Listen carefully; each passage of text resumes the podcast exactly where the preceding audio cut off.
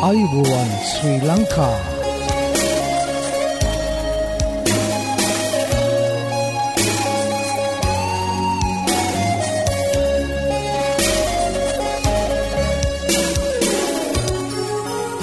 ඔබට සුපදවස මේ ඇඩවෙන්ටිස් වර්ල් රේඩියෝ බලාපොරොත්වය හඬයි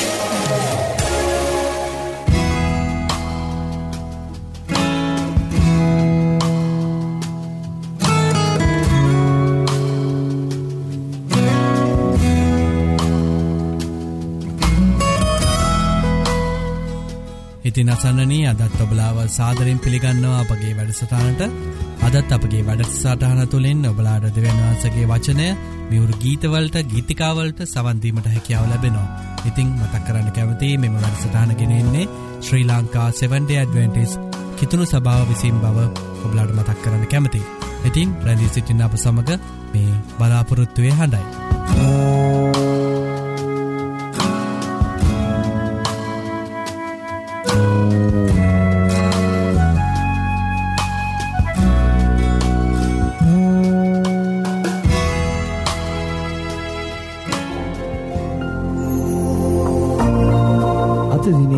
බයිබල් පාටය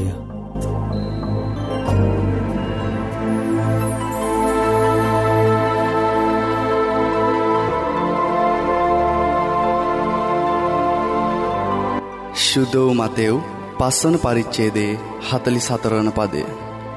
නුඹලාගේ සතුරන්ට ප්‍රේම කරපල්ලා. නුඹලාට පීඩා කරන්නන් උදේසා යාඥා කරපල්ලා.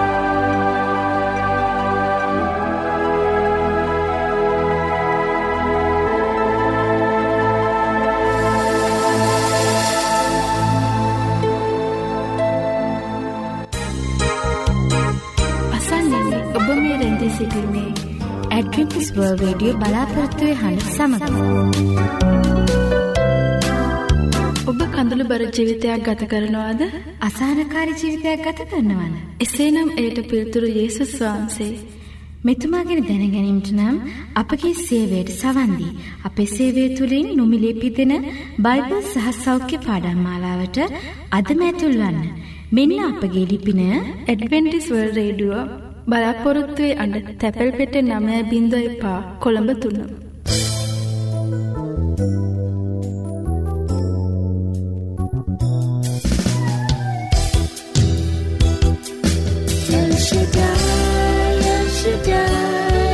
සවිබල දෙවිදෝ එල්ෂඩයි එල්ෂඩයි සවිබල දෙවිදෝ සවිබල දෙවිදෝ Shaddai, Sorry, Devi Duni, El Shaddai, El Shaddai, El Shaddai, Sorry,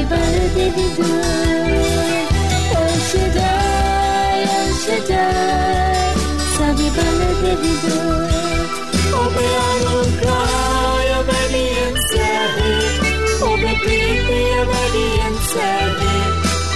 Sino niebedience wielcie dar. Oby zamaldane obedience, oby płyną obedience, oby walczyny obedience wielcie dar. Oby aluga obedience, oby prytni obedience, oby cimny obedience,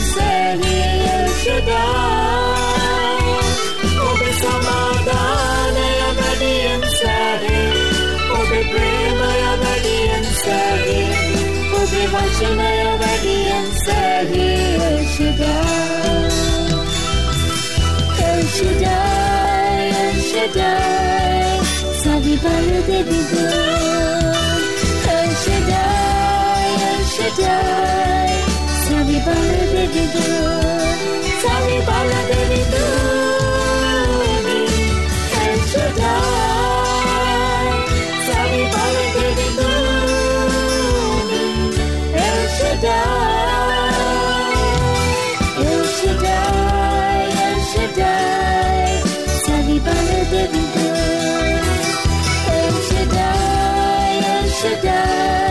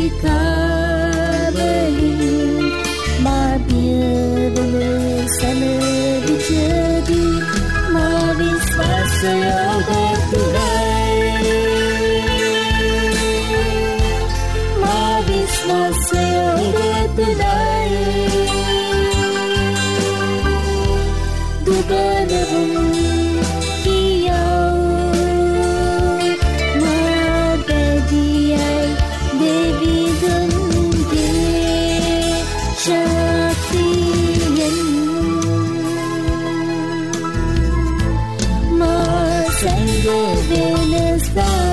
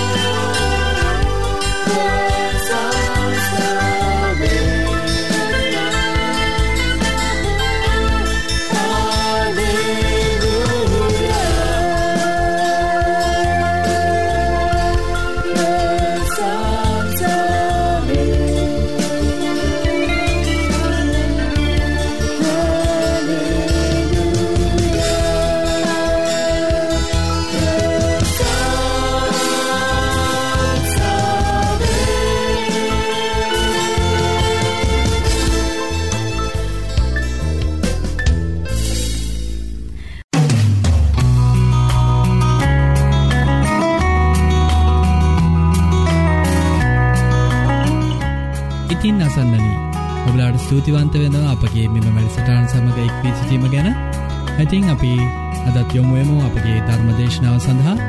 අද ධර්මදේශනාව ඔබ හටගෙනෙන්නේ විලීරීත් දේවගෙදතුමා විසින්.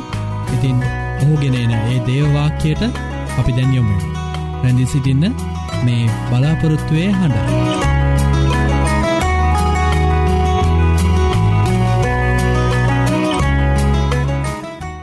දෑබර අසන්නෙන. අද මම ඔබට ඉදිරිපත් කරන්ට අදහස් කරන්නේ අපගේ ස්වාමියූ යේසුස් ක්‍රිස්තුස් වහන්සේගේ ජීවිතයේ විශේෂයෙන් උන්වහන්සේගේ යාඥා ජීවිතයෙන් කොටසක් ඉදිරිපත් කරන්නට මම අදහස් කරනවා. ඊට හේතුව වී ඇත්තේ යේසුස් ක්‍රිස්තුස් වහන්සේගේ ආදර්ශමත් ජීවිතය උන්වහන්සේව අනුගමනය කරන්නාව අයගේ ජීවිතයේද කොටසක් වීම නිසයි. පළවෙනි පේත්‍රස්ගේ පොතේ දෙවැනි පරිච්චේදේ විසි එක්වනි වගන්තියේ මෙන්න පේත්‍රස්තුමා මෙන්න මේ විදිහට ලියා තිබෙනවා. විසි එක්වනි වගන්තියයි මම කියවන්නේ. මක්නිසාද ක්‍රිස්තුස් වහන්සේ නුඹලා නිසා වදවිඳ නුඹලා උන්වහන්සේගේ අඩිපාරේ යන පිණිස නුඹලාට ආදර්ශයක් දීගියසේක.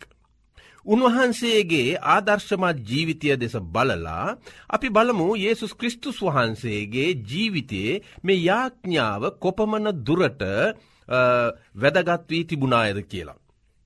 උදාහරණයක් වශයෙන් අපි සුද්දූ මාක්තුමාගේ සුභාරංචියයේ පළවෙනි පරිච්චේදේ තිස් පස්වනි වගන්තියට පෙරලුවොත්. ඉහලින්ම සඳහන් වී තිබෙනවා යේසුස් වහන්සේ යාඥාව සඳහා යෑම. තිස් පස්වනි වගන්තියේ සඳහන් වෙන්නේ උදය පහන්වෙන්ට බොහෝ ප්‍රථමයෙන් උන්වහන්සේ නැගිට වනාන්ත්‍ර ස්ථානයකට පිටත්ව ගොස් එහිදී යාඥා කළ සේක. බලන්ට උන්වහන්සේ මනුෂ්‍ය පුත්‍රයාණන් ලෙස මේ ලෝකේ ජීවත්වෙන අතරේදී උන්වහන්සේ මහොත්තම දෙවිපාණන් වහන්සේ සමඟ නිතරම යාඥාවේ යෙදුණු බවටයි මෙතන සඳහන් කරතිබෙන්නේ. උන්වහන්සේ හිමිදිරි පාන්දරම වනාන්ත්‍රස්ථානයකට පිටවත්ව ගොස් උන්වහන්සේ එහිදී යාඥා කර තිබෙන බවට දේවවචනයේ සඳහන් වී තිබෙනවා. දැන් බලන්ට මාගේ මිත්‍රවරුණි උන්වහන්සේ හිමිදිරි පාන්දර පමණක් නෙවෙයි මේ යාඥාව උන්වහන්සේගේ ජීවිතයේ ඉතාමත්ම වැදගත් කොටසක්ව තිබෙනවා. උන්වහන්සේ යමක් කරන්ට ප්‍රතරමයෙන් නිතරම යාඥාවේ යෙදුණු බවයි දේව වචනයේ සඳහන් වී තිබෙන්නේ.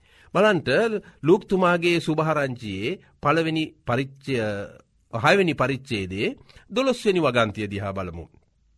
උන්වහන්සේ ගෝලයොන් දොළොස් දෙනෙක් තෝරන්ට ප්‍රථමයෙන් උන්වහන්සේ මහොත්තම දෙවිපාණන් වහන්සේගෙන් බලයද උන්වහන්සේගේ පිහිටපතා උන්වහන්සේ යාඥා කළ බව එම පොතේ සඳහන් වී තිබෙනවා. ලුක්තුමාගේ සුභහරංචේ හයනි පරිච්චේද දොළොස්වනි වගන්තියේ තවද ඒ දවස්වලදී උන්වහන්සේ යාඥා කරන පිණිස කන්දකට ගොස් දෙවියන් වහන්සේට යාඥා කරමින් මුළු රාත්‍රිය ගත කළසේක. මුළු රාත්‍රියම උන්වහන්සේ යාඥාවෙන් කාලේ ගතකොට හිමිදිරි පාන්දරම උන්වහන්සේ පැමිණ. දහතුන්ගනි පදේ සඳහන් වෙන්නේ පහන් වූ කල උන්වහන්සේ තමන්ගේ ගෝලයන් කැඳවා ඔවුන්ගෙන් දොළොස් දෙනෙක් තෝරාගෙන ඔවුන්ට ප්‍රේරිතයයි නම් තැබූසේක. බලන්ට යේසුස් වහන්සේ යම් කිසි දෙයක් කරන්ට ප්‍රථමයෙන් උන්වහන්සේ නිතරම යාඥාවේ යෙදුණු බවට සුද්ද වූ වචනේ අපට සඳහන් වී තිබෙනවා. ඒක්කම සමහරය කියනවා මේ මතයතුමාගේ සුභහරංචයේ පස්වනි පරිච්චේදේ තිබෙන කන්ද උඩ දේශනාව ඇවිල්ලා යේසුස් වහන්සේගේ යාඥාව හැටියෙන් සමහර අය සඳහන් කරලා තියෙනවා. නමුත් සුද්ද බයිබලේ සඳහන් වෙන පරිදි සුද්ද යහන්තුමාගේ සුභහරංචියයේ දාහත්වනි පදේ දෙස බලන විට පරිච්චේදය දෙස බලන්න විට එහි තේමාව වී තිබෙන්නේ යේසුස් වහන්සේගේ යාඥාව යනුවෙන්. යේසුස් වහන්සේගේ යාඥාව.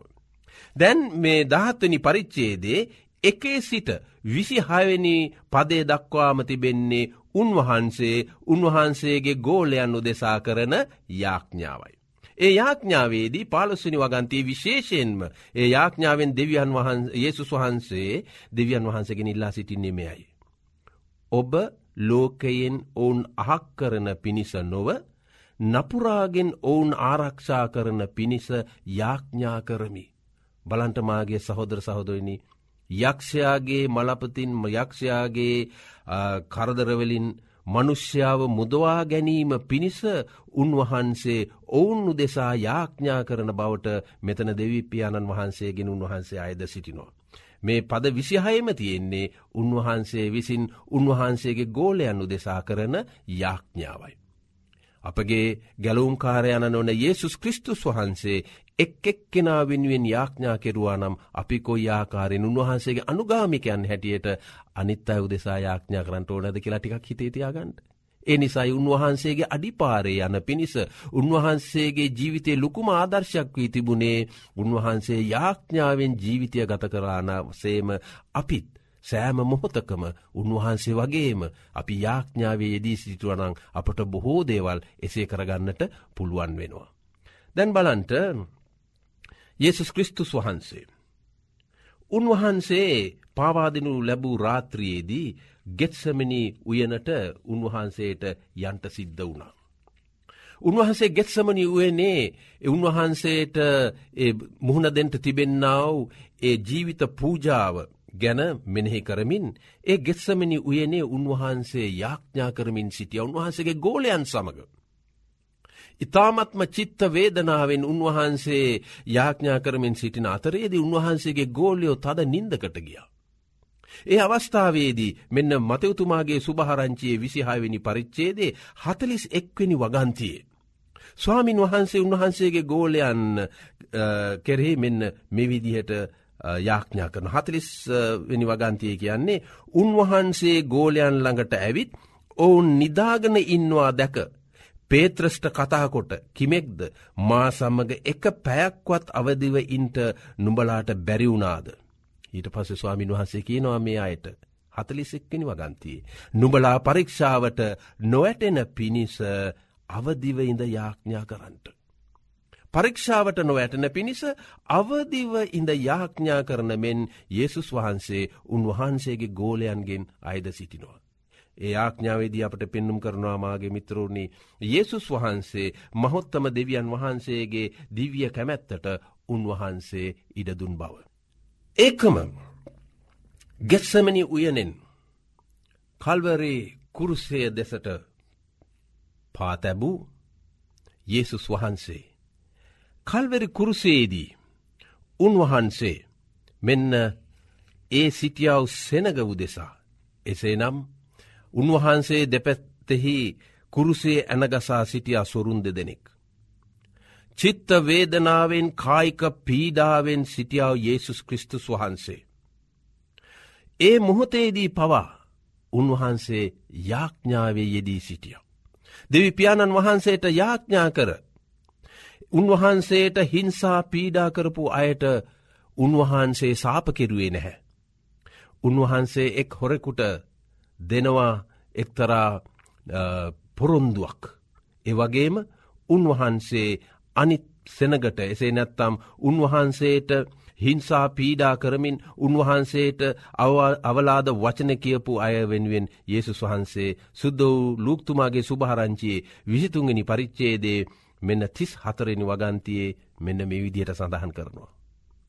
Yesසුස් වහන්සේ කතාකොට පියානෙන ඔවුන්ට කමාවුව මැනව.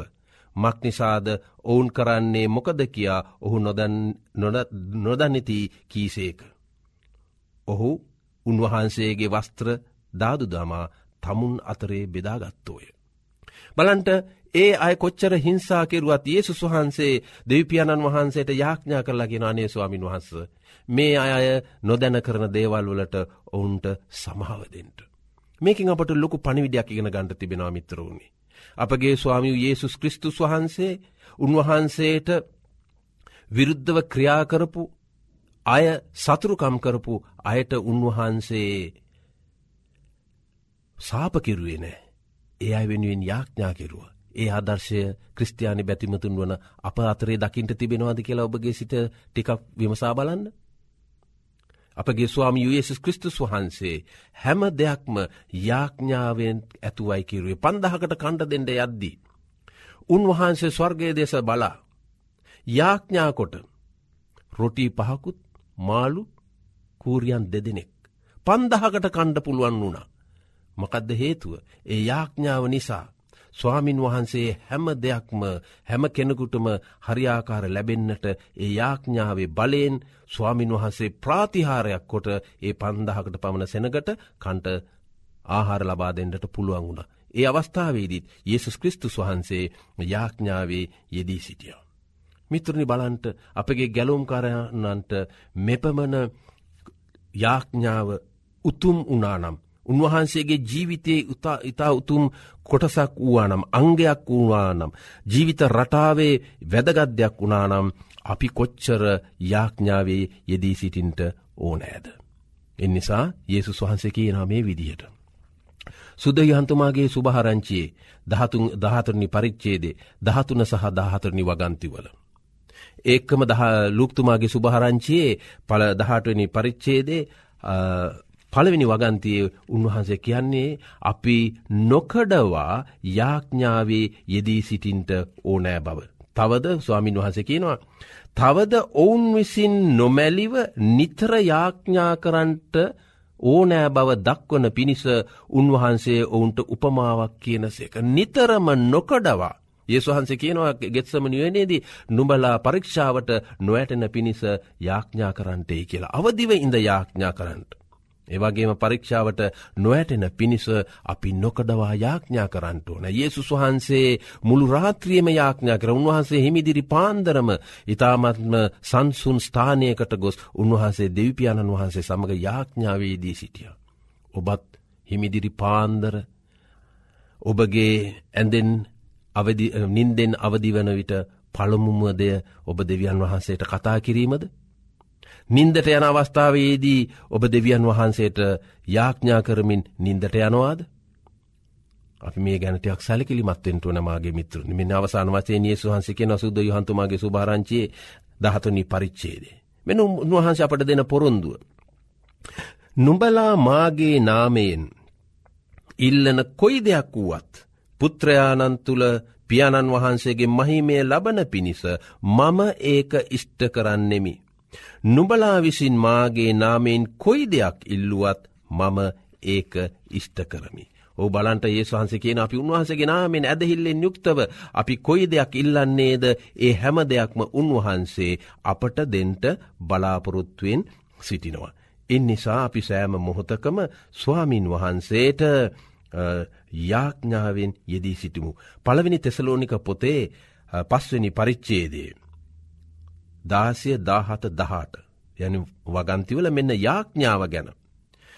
Yesසුස් වහන්සේ පිළිගත්තාව පවුලුතුමා මේ විදිහට කියනවා. නිතරම ප්‍රීතිවෙන්න නොකඩවා යාඥා කරන්න සියල්ලේ දිස්තුති කරන්න. මක්නිසාද ක්‍රිස්තුස් යේසුස් වහන්සේ තුළ නුඹලා ගැන දෙවියන් වහන්සේගේ කැමැත්ත මේ අයි. දුකේදිත් විපතේදිත්. තිබෙන විටත් නැති වූ විටත්. සෑම මොහොතකම නිතරම ප්‍රීතියෙන් යුක්තව නොකඩවා යාඥා කරන්නට සියල්ලේදී ස්වාමින් වහන්සේට ස්තුති කරන්න. අසනීපයක් වුණත් ස්තුති කරන්න. ඊට හේතුවේ අසනී පවස්ථාවදි ස්වාමින් වහන්සේ අප සමඟ සිටිනවා උන්වහන්සේ අපගේ ස්වර්ගේක වෛද්‍යවරයානු. යම් කිසි කරදරයක් අත් වූ විට අපි ඒ ගැන ස්තුතිවන්තවේමු. මක්නිසාද ඒ කරදර අවස්ථාව ඒසු වහන්සික ඇතිබෙන්නේ මේ අයි. සෑම කල්හිම මම නුඹලා සමඟ සිටින්නෙමි. සෑම කල්ලිම සෑම මොහොතකම උන්වහන්සේ අප සමඟ සිටි නිසා සෑම මොහොතකම අපි උන්වහන්සේට ස්තුතිවන්තවෙමු. ඒකම මක්නිසාද ක්‍රිස්තුස් යේසුස් වහන්සේ තුළ නුඹලා ගැන දෙවියන් වහන්සේගේ කැමැත්ත එයයි. නොකඩවා යාඥා කිරීම සෑම මොහොතකම යාඥාවෙන් යුක්තව යට ස්තුතිදීම නිතරම ස්වාමින් වහන්සේ තුළ ප්‍රීතියෙන් සිටීම තමයි දෙවියන් වහන්සේගේ කැමැත්ත. ඉන්නිසා ඒසුස් වහන්සේගෙන් ගැලවීම ලබාගත්තාව. ඒසුස් වහන්සේ තුළ ගැලවීම ලබාගන්නට බලාපොරොත්තුවෙන් සිටින සෑම කෙනෙක්ම. උන්වහන්සේ අපට දීතිබෙන්නාව ඒ ආදර්ශය වන උන්වහන්සේගේ අඩිපාරය යන්නට එක් ආදර්ශයක් තමයි උන්වහසගේ යාඥා ජීවිතය. ක්‍රස්තියානි බැතිමතුන් ලෙස අපි ඒ යාඥා ජීවිතය අපේ ජීවිතයේ ආදර්ශයක් කරගෙන අපිත් යාඥාවයේදී සිටමු. එවිට ස්වාමින් වහන්සේ කියනවා. අපි උන්වහන්සේගේ නාමෙන් කොයි දෙයක් ඉල්ලන්නේද එය ඉෂ්ට වෙනවා පමණක් නෙවෙයි පරීක්ෂාවෙන් අපට ගැලවෙන්ට තිබෙන එකම දේ තමයි ඒසුස් වහන්සේ වෙතට යාඥාවෙන් පැමිණ උන්වහසගෙන් පිහිට ලබා ගැනීම. මේ අත්දැකීමත් ඔබගේ ජීවිතයේ කොටසක් කරගන්ට අධිෂ්ඨාන කරව. දැන් අපි යාඥා කරමු නේද. අපට බොහෝසේ ප්‍රේම කරන යාඥාවන්වට සවන් දෙන සෑම මොහොතකදීම සෑම විපත්තියකදීම අපි නොදන්නා දේවල් අපට හැඟෙන විට යාඥාවෙන් අපට පිළිතුරු දෙන යාඥාවෙන් අපට ඔබහන්සට කතා කරන්නට පුළුවන් වන යාඥාව අසා අපට පිහිට වෙන මහොත්තම දෙවි සමිධානෙනී අපගේ ස්වාමියූ යේසුස් කෘස්තුස් වහන්සේ මෙන් ඇදහිල්ලෙන් යුක්තව ජිවමානොබෝවහන්සේට අපගේ ජීවිතයෙන්ද යාඥාවෙන් යුක්තව ඔබෝහන්සේට කතා කරන්නට අපට අවස්ථාවක් ලබාදී තිබෙනසා ස්තුති එවගේම දෙවි සමිධානෙන අපගේ යාඥාවන්වලට සවන් දෙන බවට ඔබහන්සේ දීතිබෙන පොරුන්දුවටත් ස්තුතිවන්ත වන්නෙමුව. මෙ සෑම දෙයක් මිල්ලමින් දෙවි සමිධානෙන. යාඥාවෙන් යුක්තව මේ වැඩ සටහනට සවන් දෙන යමෙක්. දුකින් වේදනාවෙන් සිටින්නේද. බලාපොරොත්තු සුන්වී ගොස් ඇත්තේද. බලාපොරොත්තුවක් ඔවන්ගේ ජීවිතයේ තිබෙනවානං වයිස් මතු කරගන්නට යේසු වහන්සේ පවසා තිබෙන්නේ උන්වහන්සේගේ නාමින් කොයි දෙයක් ඉල්ලුවොත් ඒෂ්ට කරන බවයි. ඕ ස්වාමීනි දැන් අපි සියලු දෙනාම ඔබහන්සේට භාරවන්නෙමුව මේ වැඩ සටහනට සවන් දෙන්නාව අයත් ඔබහන්සේට භාර කරන්නෙමුව. ඔබහන්සේගේ දිව්‍ය කැමැත්ත පරිදි. එයගේ සිත්වල තිබෙන සෑම දෙයක්ම ඔබහන්සේ ලබා දෙන නිසා ස්තුතිවන්ත වෙමින්.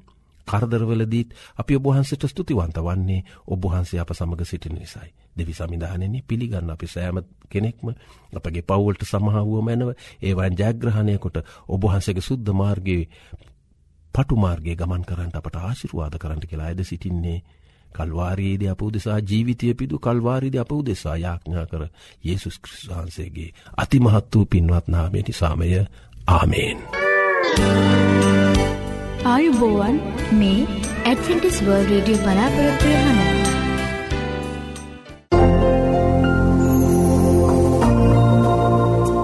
අපේ මෙ වැඩසටාන තුළින් ඔබලාට නොමිලේ ලබාගත හැකි බයිබල් පාඩං හා සෞඛ්‍ය පාඩම් තිබෙනවා. ඉතිං ඔබලා කැමතිනං ඒවට සමඟ එක්වෙන්න අපට ලියන්න. අපගේ ලිපින ඇඩවෙන්ටිස් වර්ල් රඩියෝ බලාපොරොත්තුවය හඬ තැපැල් පෙට්ටිය නමසය පහ කොළඹ තුන්න මම නැවතත් ලිපිනේම තක් කරන්න ඇඩවෙන්ටිස් වර්ල් රඩියෝ බලාපොරොත්තුවය හඬ තැපැල් පෙට්ටිය නමසය පහ කොළඹ තුන්න. ඒ වගේ මොබලාට ඉත්තාමත් ස්තුතිවන්ත වෙනවා අපගේ මෙම වැඩසටාන දක්කන්නව ප්‍රතිචාර ගැන අපට ලියන්න. අපගේ මේ වැඩසටාන් සාර්ථය කර ගැනීමට බලාගේ අදහස් හා යෝජනාවට අවශ්‍ය. අදත් අපගේ වැඩසටානය නිමාව කරාලඟාව තිබෙනවා. ඉතිං පුරා අඩහෝරාව කාලයක් අප සමඟ රැඳී සිටිය ඔබට සූතිවන්ත වෙන අතර හෙටදිනියත් සුපුරෝධ පරිති සුපුරෘධ වෙලාවට හමුවීමට බලාපොරොත්තුවයෙන් සමුගන්නාම ක්‍රස්ත්‍රිය එකනායක ඔබට දෙවියන් වහන්සේගේ ආශිර්වාදය කරුණාව හිමියේවා.